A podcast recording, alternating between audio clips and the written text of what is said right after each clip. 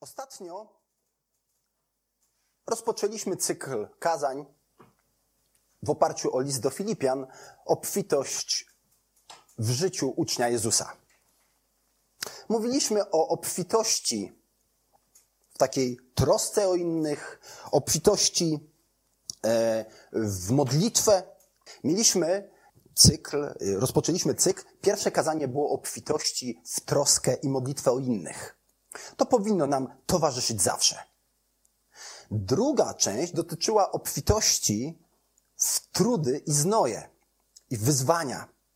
I tam mogliśmy zobaczyć, jak Paweł podchodzi do takiej obfitości, takich doświadczeń. On nie patrzy na nie jako na powód do narzekania, jako na, jako na powód do czegoś, co jest yy, słabe, złe, ale raczej widzi w tym możliwości.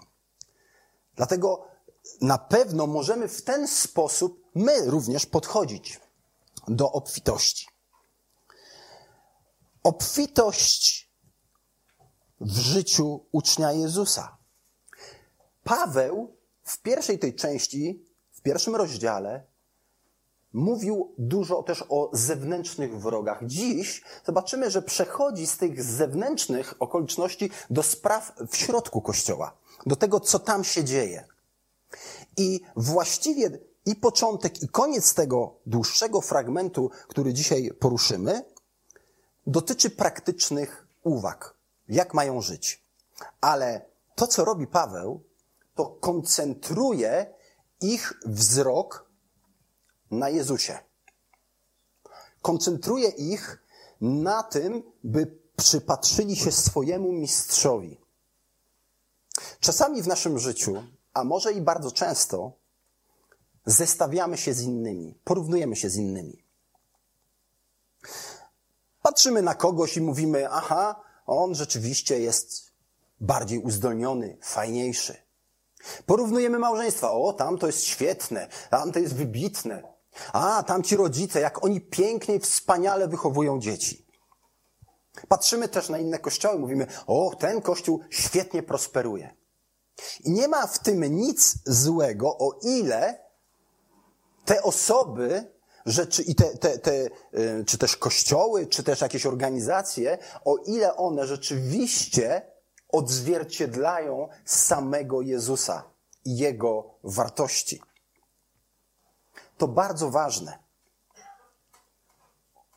Czy Jezus jest w centrum mojej uwagi? Czy czytam Boże Słowo każdego dnia, ponieważ na nim koncentruje się moja uwaga? Czasami mam wrażenie, że więcej czytamy książek lub oglądamy e, filmów, kazań, słuchamy z internetu. To wszystko jest dobre, ale nie mamy czasu na modlitwę i czytanie Bożego Słowa, tego, co powiedział Jezus. Zastanówmy się nad tymi proporcjami, czy one nie są wykrzywione. Czy nasz czas spędzany z Bogiem, kiedy Duch Święty pracuje nad nami, jest wystarczający? Czy to jest skoncentrowanie właśnie na Bogu? Czy szukamy gdzieś na zewnątrz od innych jakichś motywacji, czegoś, co nas zachęci, wzmocni, a nie u Niego samego? Skąd wiem, że to, co słyszę lub czytam, jest rzeczywiście prawdziwe? Musimy skoncentrować się na Jezusie. Jeśli rzeczywiście Masz z tym problem. Jeżeli rzeczywiście widzisz, że Twój czas z Bogiem, no, co najmniej nie jest dobry.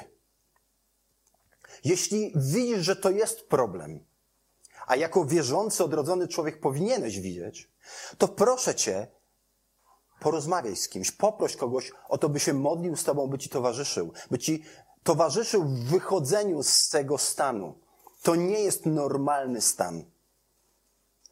Normalny, zdrowy, obfity stan w życiu, w życiu wierzących to skupienie na Chrystusie. I dziś przyglądniemy się temu w związku z tym, jak wyglądała obfitość w życiu Jezusa. Kiedy myślimy o tej obfitości, to prawdopodobnie mamy na myśli to jego życie ziemskie. Ale nie zrozumiemy tej obfitości, jeśli nie spojrzymy, tak jak apostoł Paweł w liście do Filipian, na to, co działo się wcześniej, niż Jezus stąpił niż wcielił się w człowieka, niż stał się, niż stał się człowiekiem. Musimy spojrzeć na ten aspekt, na aspekt tego, jak żył na ziemi i na ten aspekt, co stało się i stanie się potem. Więc spójrzmy na list do Filipian, drugi rozdział od piątego do ósmego wersetu. Takiego bądźcie względem siebie usposobienia, jakie było w Chrystusie Jezusie, który chociaż był w postaci Bożej, nie upierał się zachłannie przy tym, aby być równym Bogu. Lecz wyparł się samego siebie, przyjął postać sługi i stał się podobny ludziom. A okazawszy się z postawy człowiekiem, uniżył samego siebie i był posłuszny aż do śmierci, i to śmierci krzyżowej. Dlatego też Bóg wielce go wywyższył i obdarzył go imieniem, które jest ponad wszelkie imię, aby na imię Jezusa zginało się wszelkie kolano na niebie i na ziemi i pod ziemią. I aby wszelki język wyznawał, że Jezus Chrystus jest Panem ku chwale Boga Ojca. W niektórych przekładach Biblii, choćby w tak zwanej Brytyjce, jest to tekst zapisany ciągiem. Ale tak naprawdę jest to poezja, jest to hymn. I jak to bywa z poezją, ona ma swoje prawa, ona ma swoje zasady. Dobrze je też znać, poznawać, by lepiej zrozumieć, by głębiej doszukać się i dopatrzeć, co tam jest zawarte. A zatem przystępujemy do rozważania tego właśnie hymnu. Jezus, który chociaż był w postaci Bożej, nie upierał się zachłannie przy tym, aby być równym Bogu. Jest to opis czasu, kiedy Jezus był, nazywamy to w niebie, był przed wcieleniem. Jezus istniał zawsze. Wierzymy w to, że istnieje jeden Bóg, ale w trzech osobach: Bóg Ojciec, Bóg Syn i Bóg Duch Święty. Jezus nie miał swojego początku, ani nie będzie miał swojego końca. Czytamy, że był w postaci Bożej. Nie chodzi o to, że był w jakimś płaszczu, w jakiejś formie. On był Bogiem w stu procentach. On przed wcieleniem był w stu procentach Bogiem. Jest równy Ojcu i Duchowi. Jezus miał wszelki autorytet, miał wszelki autorytet, wszelką władzę. On był tym też, który stwarzał. On jest Panem wszechświata, wszelkiego stworzenia. Możemy sobie tylko pewnie troszkę to wyobrazić, że aniołowie uwielbiały, uwielbiali go, uwielbiali, oddawali mu należną cześć i chwałę. On żył i był w tej, w tej rzeczywistości, która dla nas jest teraz jeszcze niedostępna, nie widzimy jej. Ale on tam był kimś takim, przed wcieleniem. Z jakiegoś powodu zdecydował, stać się człowiekiem. Nie upierał się, nie obstawał, nie walczył. Pomiędzy ojcem a synem istnieje idealna jedność i miłość. Nikt z nich nie walczył ze sobą nigdy. Jest to dla nas dziwne i obce, bo jakże często my walczymy ze sobą o to, kto ma rację i jak ma być. Wiemy o tym przecież z doświadczenia, ale nie tak jest między Ojcem i Synem, między Bożym Ojcem i Bożym Synem, między Ojcem, który jest Bogiem i między Synem, który jest Bogiem. Istniała idealna, istnieje idealna relacja, idealna więź, idealna miłość, harmonia. I ten Syn nie upierał się, nie walczył o to, by być równy, by być w tym sensie cały czas na tym na tym tronie, któremu ciągle oddają wszyscy cześć. On mówi, rezygnuje z części tego. To jest pewien plan zbawienia. Jezus, jako syn Boży, zrezygnował z przywilejów. Powiedział, rezygnuję, ograniczam swoją władzę, ograniczam moją boskość I mógł to zrobić, bo miał taką władzę. On sam też zdecydował. To nie było tak, że ojciec nakazał synowi, a syn nie miał nic do gadania. Jezus chciał tego, zgodził się, dlatego, bo kocha ojca, ale kocha też stworzenie i ludzi. I dlatego od początku Biblia mówi nam o tym, który miał przyjść, który miał zbawić, uratować. Już od początku. I tym był właśnie Jezus. Nie, nie upierał się, samo ograniczył się. Biblia jerozolimska tak tłumaczy to. On pozycji Bożej nie trzymał zazdrośnie jako poziomu, który równał go z Bogiem.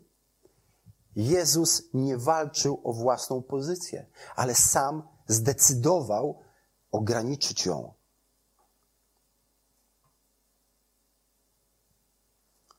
Wyparł się samego siebie. To sformułowanie nie oznacza, że przestał być Bogiem. On był w stu procentach Bogiem, ale ograniczył się. I czytamy, że wyparł się samego siebie, przyjął postać sługi i stał się podobny ludziom. Jezus zrobił coś, co jest niepojęte dla nas. Bóg nie zrezygnował swojej boskości, by przestać być Bogiem, jedynie ograniczył się po to, by stać się w stu procentach człowiekiem. Bóg stał się człowiekiem. Apostoł Paweł rozpoczyna właśnie ten fragment tym sformułowaniem takiego bądźcie względem siebie usposobienia, tak na siebie, wobec siebie postępujcie, jak Jezus postąpił. Jak postąpił Jezus? Jezus, będąc Bogiem, będąc w relacji z Ojcem, będąc we wspaniałej chwale i majestacie, mówi: ograniczę się, by stać się w stu procentach też człowiekiem. I jedynie On stał się w stu procentach Bogiem, będąc w stu procentach człowiekiem. I to jest tajemnica, jak to możliwe, ale tylko w Nim to się stało. Tylko On dokonał czegoś takiego. Przyszedł na ten świat, dlatego że zależało Mu na mnie i na Tobie. Ograniczył siebie, wyparł się samego siebie i stał się człowiekiem. Tekst mówi, ten hymn mówi o tym, że to wyparcie to jest coś, co zrobił, czego, w czym się ograniczył. Powiedział, tego nie będę już na razie używał, ale co, co będę? Kim się stanę? Stanę się sługą, dosłownie niewolnikiem. Jezus z chwały przechodzi do rzeczywistości naszej, staje się człowiekiem i mówi, i będę tu nie jako król tego świata, jak, jakich znamy władców, tylko będę jak sługa, jak niewolnik. Nie patrzył na swoje potrzeby, bo gdyby nimi się kierował, zostałby w niebie. Ale przyszedł, spojrzał na nasze potrzeby i mówi: Tak, chcę was uratować. Chcę uratować to stworzenie człowieka, który jest na obraz mój podobieństwo. Człowieka, który wzgardził mną. Człowieka, który się zbuntował, który nie chciał mnie uznać Panem. Ja przychodzę jako sługa. Pan jako sługa. Przyszedł, aby nam służyć. Przeciwieństwem życia jako Bóg, widzimy, jest życie jako człowiek, sługa. I widzimy, że ludzie postrzegali Jezusa jako człowieka. Oczywiście dostrzegali w nim te aspekty boskości, ale widzieli na pewno w nim człowieka. 100% Bóg i 100% człowiek. W życiu Jezusa była obfitość uniżenia. Coś, z czym na pewno ja i ty mamy problem. Jezus obfitował w uniżenie. I dlatego Paweł mówi: takiego bądźcie usposobienia. Mówi wcześniej, właśnie w tym początku drugiego rozdziału, od 1 do 4, mówi: bądźcie w jedności, jednomyślni. Nie kłóćcie się, nie walczcie ze sobą. Nie, to nie jest właściwa postawa. Nie szukajmy próżnej chwały lecz w pokorze uważajcie jedni drugich za wyższych od siebie. Najpierw powiedział im o tym, takiej bądźcie postawy, ale skąd ją wziąć? Mówić, spójrz na Jezusa. Spójrz na Niego. troszkę informacji z historii. Miasto Filipi nie było to bardzo duże miasto, ale było charakterystyczne, ciekawe. W tym mieście żyło bardzo dużo weteranów wojennych. To byli byli żołnierze, którzy posiadali obywatelstwo rzymskie. To miasto stało się kolonią, którą cesarz uznał za kolonię, to znaczy za miejsce, w którym wszelkie prawa, jakie istniały w Rzymie, w stolicy, były możliwe i nadane temu miastu. Tam można było zdobyć obywatelstwo rzymskie. Tam bycie obywatelem Rzymu wiązało się z dumą, z czymś zaszczytnym. W tamtej kulturze być niewolnikiem to nie był zaszczyt. Zaszczytem było być panem, być władcą, być kimś, być kimś wyższym od innych. I w tej właśnie społeczności Filipi ci ludzie, którzy tam mieszkali, usłyszeli Ewangelię, którą zwiastował im wcześniej Paweł. Ciężko jest nam nieraz zrezygnować y, i od, odnieść się jakoś inaczej w myśleniu, niż to, co oferują nam nasi znajomi, koledzy, przyjaciele, co wokoło, wokoło nasza kultura nam mówi, co jest wartością. W tamtych czasach wartością na pewno nie było być sługą i niewolnikiem. Wartością było być panem. A Paweł do nich mówi: bierzcie przykład z Jezusa. Bierzcie przykład z Jezusa. Co jest bardzo istotne, w tamtych czasie, w tamtych czasach rozwijał się coraz mocniej oprócz zwykłych kultów religijnych, kult cesarza. Cesarz był nazywany Panem, Bogiem, Zbawicielem. A Paweł mówi do tych ludzi, którzy żyli w tej kulturze, którzy czuli się dumni, że są jak Rzym, że są, jak, że są obywatelami Rzymu, że właściwie są taką miniaturką Rzymu, ale są. Mówi do nich o kimś, kto był Bogiem i co uczynił. Oni dobrze znali sytuację społeczną pan niewolnik.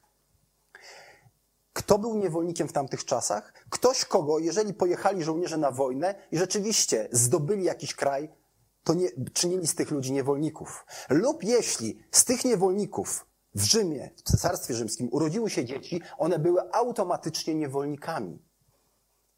Nikt nie chciał być niewolnikiem z ludzi wolnych.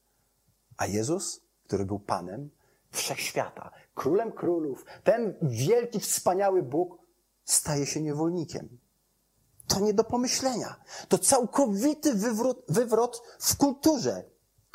Po prostu to się nie mieściło w głowie, żeby to było wzorem do naśladowania. Odwrotnie, mieć niewolników to tak, ale być niewolnikiem, być sługą, to, to jakoś się nie mieściło w głowach.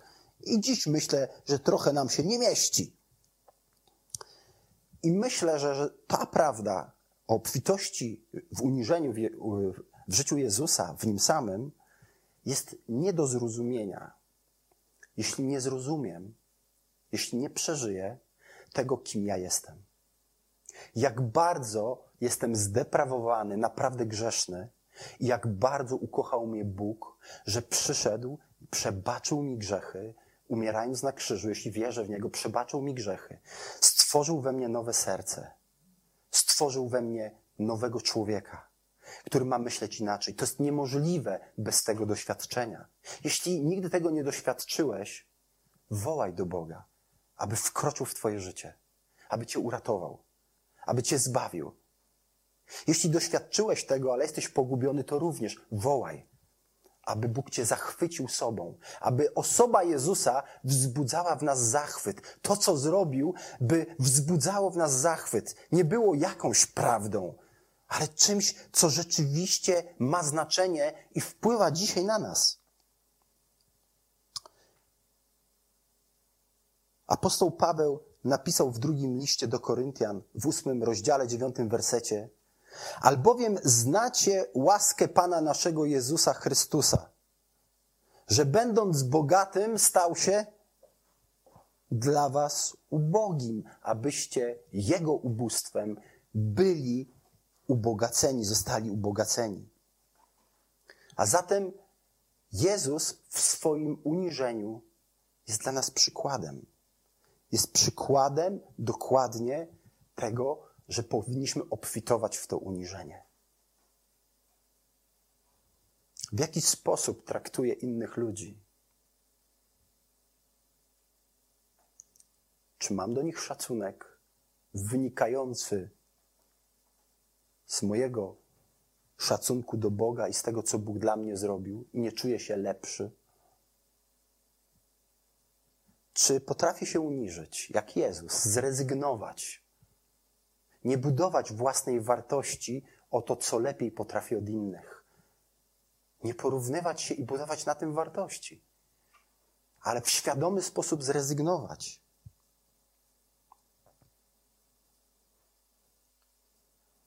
Uniżenie to nie użalanie. Czasami nam się wydaje, no, że człowiek uniżony to jak taki mówi, jaki ja jestem do niczego, jak ja nie potrafię, ojejku, inni potrafią, ja nie. Kochani, to nie jest uniżenie.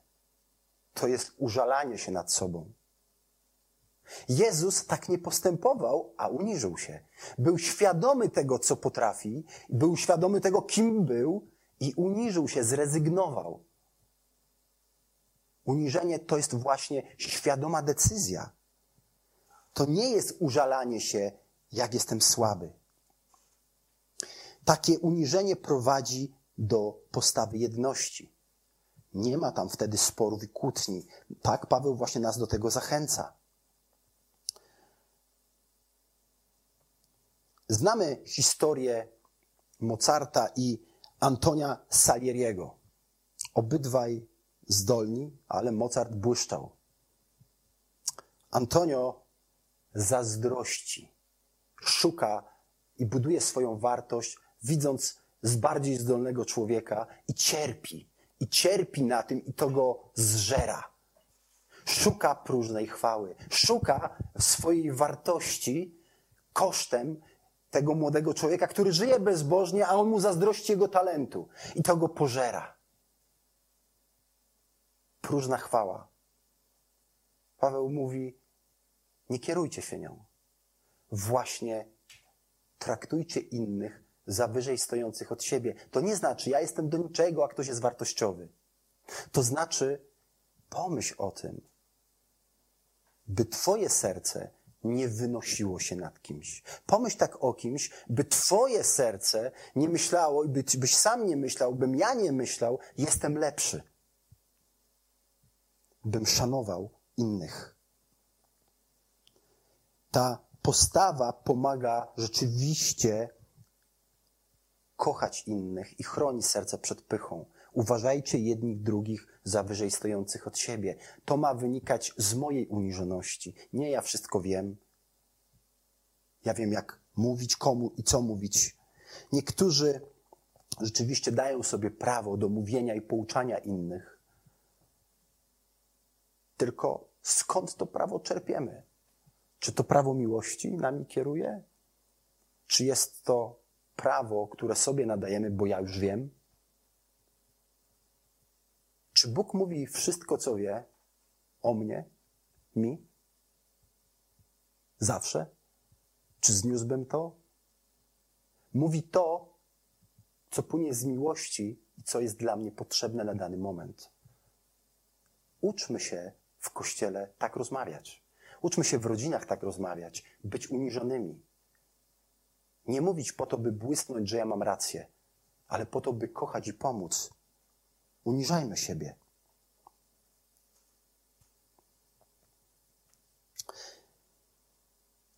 I był posłuszny aż do śmierci i to śmierci krzyżowej. A zatem Jezus obfitował w uniżenie, które przejawiało się posłuszeństwem.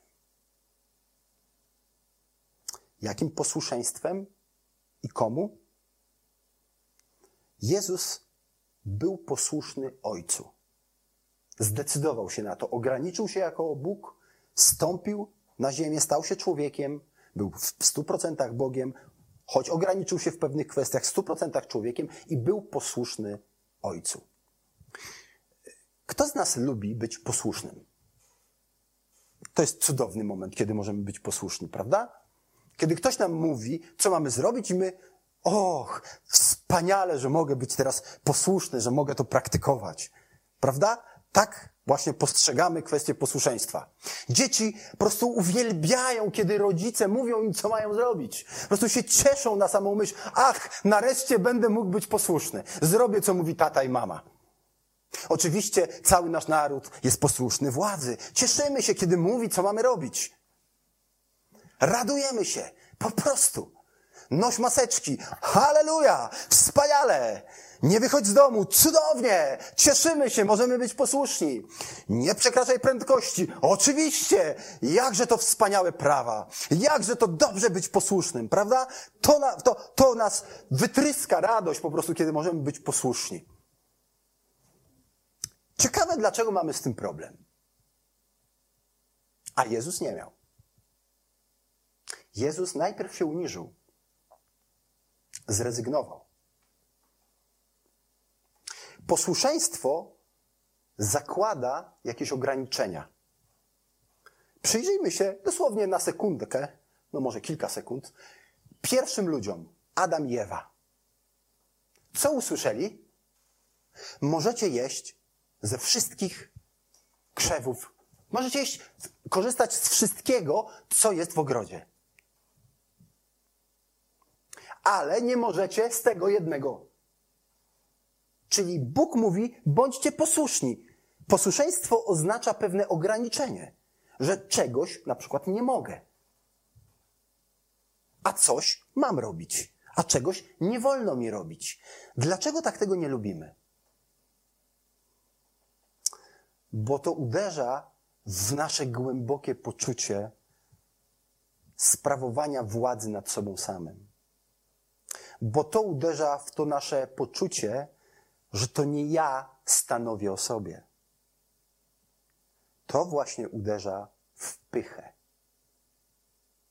Uniżenie, pokora jest przeciwieństwem pychy. Człowiek pokorny i uniżony będzie posłuszny Bogu. Człowiek pyszny, niezależny, kto mi co tu będzie mówił, a żyjemy w kulturze, w której mamy dużą wolność i chcemy mieć tą wolność i dyskutujemy sprawami. Jako ludzie oczywiście jesteśmy omylni mamy do tego prawo, by zastanawiać się, co jest słuszne. Ale jeśli chodzi o Boga, czy dajemy sobie prawo podyskutować może w pokorze rozmawiać z Panem Bogiem, że nam się coś nie podoba, inaczej to widzimy. Naprawdę w uniżeniu jest w porządku, Bóg i tak nas zna. Ale kiedy zaczynamy dyskutować z Bogiem na zasadzie, nie będę tego robił, mylisz się, to, to nie zgadzam się z tym, co mówisz, o, to już jest inna kwestia. Jezus uniżył się i był posłuszny. Posłuszny Ojcu aż do końca. Robił to, co chciał Ojciec i był posłuszny aż do śmierci śmierci krzyżowej. Gdybyśmy zestawili tamtych czasach Bóg i cesarz, oto Bóg stał się człowiekiem, a cesarz jako człowiek chciał być i stawał się Bogiem w jego mniemaniu oczywiście. Bóg uniżył siebie, a cesarz szukał zaszczytów. Bóg Jezus stał się człowiekiem i był posłuszny. Cesarz był tym, który wydawał rozkazy. Zupełne przeciwieństwo. Bóg Jezus, który stał się człowiekiem, oddał życie, będąc posłusznym. Cesarz odbierał życie. Na pewno nie chciał poświęcić swojego. Czyż nasz Bóg Pan nie jest wspaniały? Czy On rzeczywiście nie jest pełen obfitości w uniżenie i w posłuszeństwo? Ograniczył siebie, stał się stworzeniem, sługą, niewolnikiem. Pokorny, uniżony, całkowicie zgadza się z tym, co chce Ojciec. I to posłuszeństwo nie jest czymś takim w życiu Jezusa na zasadzie, ojeja, no muszę to zrobić. To posłuszeństwo wynikało z wielkiej relacji miłości syna z ojcem. Czasami my tego nie rozumiemy, bo jesteśmy grzeszni, ale właśnie ten wzór jest piękny, bo pokazuje, że posłuszeństwo powinno wynikać z miłości. Jest wtedy nam łatwiej, kiedy się uniżymy i chcemy w pokorze postępować. To nas, ma nas na, napełniać, to ma być naszym jakimś źródłem napędu, motywacji. Apostoł Paweł chwali Filipian za ich posłuszeństwo. Co ma na myśli? Prawdopodobnie posłuszeństwo Ewangelii. To, że angażują się, że służą, że głoszą, że trwają przy Ewangelii. Mówi, cieszę się, że jesteście posłuszni. Mówi do nich, czyńcie wszystko bez szemrania i powątpiewania. No właśnie, czemu on do nich mówi, że czyńcie wszystko bez szemrania i powątpiewania?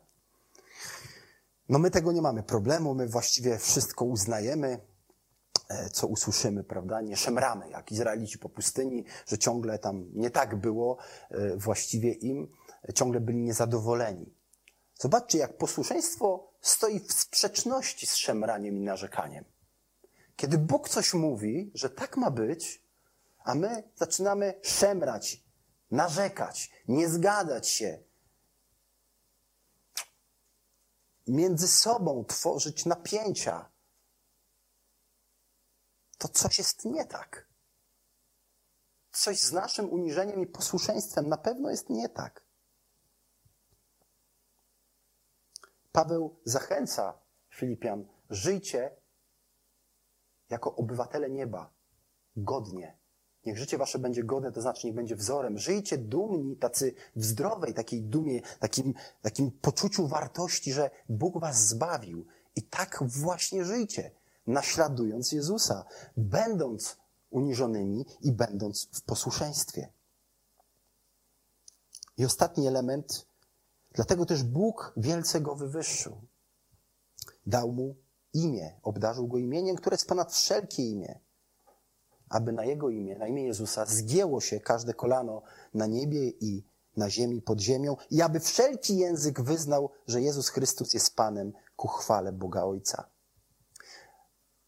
My nadajemy imiona takie, które nam się podobają, naszym dzieciom. Natomiast w tamtej kulturze nadanie imienia, szczególnie na pewno w judaizm, wśród Żydów, w, tej kulturze imię miało znaczenie, imię oznaczało charakter, autorytet. Bóg zmieniał nieraz imiona. Więc kiedy tutaj Bóg mówi, Boże Słowo mówi, że temu, który zrezygnował, ograniczył się w swojej boskości, stał się człowiekiem, był posłuszny, uniżył się i był posłuszny aż do śmierci, do śmierci krzyżowej, Bóg nadał imię. Jezus, ten Bóg, który zbawia. Nadał mu imię, nadał mu charakter, status, atrybuty. Jezus, co ważne, nie zostaje przywrócony po zmartwychwstaniu do stanu przed wcieleniem. Czy zastanawiałeś się kiedyś nad tym? Że to nie było tak, że Syn Boży, Jezus, będąc Bogiem, stał się człowiekiem, a po zmartwychwstaniu znowu stał się Bogiem w pełni tak, jak było przed. Tak się nie stało. Tu stało się coś innego. Jezus, Syn Boży, stał się człowiekiem. 100% Bóg, 100% człowiek. Umiera na krzyżu, zmartwychwstaje i idzie do Ojca jako kto? Jako 100% Bóg i 100% człowiek. On uwolnił od tego grzechu, od tego skutku grzechu naturę ludzką. On staje się Bogiem, ale i człowiekiem. To tajemnica, jak to możliwe. Ja nie wiem, ale rzeczywiście tak się staje i on zostaje mu nadane to imię Jezus, czyli w tym sensie nie to, że on je wcześniej nosił, ale ono nabiera tutaj teraz znaczenia. Bóg zbawia. On jest tym, który zbawia, ale jest i Bogiem, i człowiekiem. On jest pierworodnym, pierwszym tym w ogóle, który rzeczywiście w ten sposób zmartwychwstał, który pokazał inną rzeczywistość, do której nas zachęca.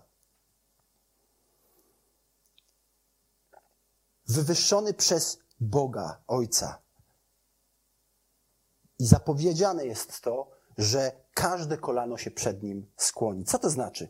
Kiedy klękamy? No, nieraz klękamy szukając czegoś na podłodze, ale to nie o to tu chodzi. każde kolano się zegnie, to znaczy, że odda szacunek, z szacunkiem podejdzie, do, z czcią podejdzie do Jezusa. Jedni zrobią to z radością, oczekując Jego.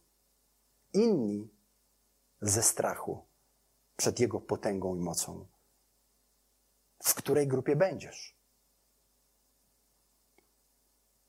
W której grupie będziesz? Jezus jest prawdziwym Panem świata.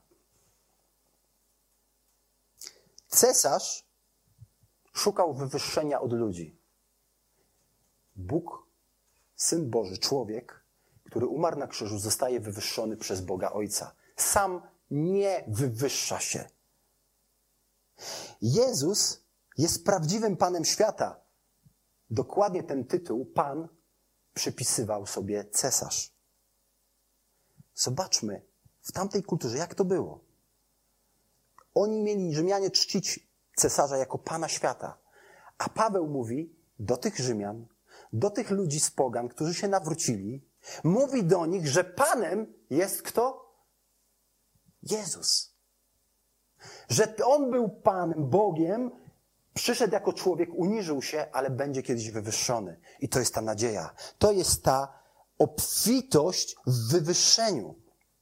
Paweł oczekuje dnia Chrystusa w drugim rozdziale, szesnastym wersecie i czeka, by się chlubić, by doznać tej chwały przy nim, przy swoim Zbawicielu, władcy. Wtedy w pełni doznać, właśnie wtedy w pełni doznać tej potężnej chwały, która jest zapewniona dla zbawionych. Czy wiecie, że będzie uczta? Że to będzie wywyższenie, że będziemy mogli zasiąść z Nim i ucztować wiecznie, radując się w Jego obecności? Paweł nie skupia się w tym oczekiwaniu na sobie jakoś tak e, poprzez swój egoizm, ale on wie, co przyniesie przyszłość. Jezus zwyciężył. Jezus zbawił. Jezus króluje. Pan Jezus, chodząc po tej ziemi, powiedział: Kto się uniża, będzie wywyższony w Mateusza 23:12. Uniżenie, posłuszeństwo, obfitość tych dóbr w życiu odrodzonej osoby prowadzi nas ku wieczności, kiedy będziemy mogli doświadczyć obfitości w wywyższeniu. Dawid nie sięgnął po wywyższenie własnymi metodami. Mógł zabić Saula. Był wierny Bogu, uniżył się. Wolał uciekać niż toczyć walki, niż mordować swojego wroga. A Bóg go wywyższył. Salomon na początku swojego panowania woła do Boga: Jestem słaby, daj mi mądrość, bym mógł kierować Twoim ludem. Uniżył się, nie prosił o władzę, nie prosił o to, by był najmądrzejszy na świecie, nie prosił, aby był najbogatszy, prosił, daj mi mądrość, bym wiedział, jak prowadzić Twój lud. Uniżył się, a Bóg go wywyższył. Czy masz taki przykład w życiu, kiedy się uniżyłeś, a Bóg Cię wywyższył? Nie sięgałeś sam po to, by ludzie Cię chwalili, by Cię cenili, nie zabiegałeś o to, ale Bóg cię wywyższył. Ale to wywyższenie tu na tej ziemi jest i tak niczym w stosunku do tego wywyższenia, które nas czeka. Oczekujmy tego wywyższenia. Oczekujmy Jezusa, który przyjdzie. Bądźmy chętni w uniżaniu siebie, w posłuszeństwie oczekując obfitości wywyższenia. Amen. Drogi Boże nasz, kochany Panie Jezu, który oddałeś życie, zrezygnowałeś z tak wspaniałej pozycji, ograniczyłeś siebie i pozwoliłeś by ludzie Cię nie traktowali tak, jak Ci się należało. Nie walczyłeś, będąc tutaj na ziemi, by ci składano hołdy. Nie walczyłeś i nie zabiegałeś, by ci obwoływano królem tutaj. Chciałeś uwielbić swojego ojca. Uniżyłeś się i byłeś posłuszny. Ty wiesz, jak nam ciężko się uniżyć, Panie. Jak nam ciężko traktować innych za wyżej stojących od nas. Jak trudno nam budować nasze poczucie wartości na Tobie i że nasze uniżenie nie jest pozbawianiem nas wartości, bo Ty ją nam nadałeś jako dzieciom Bożym. Dopomóż nam świadomie, z chęcią uniżać się. Choć będziemy wtedy jak słudzy, jak Ty, Panie Jezu, i może nie będziemy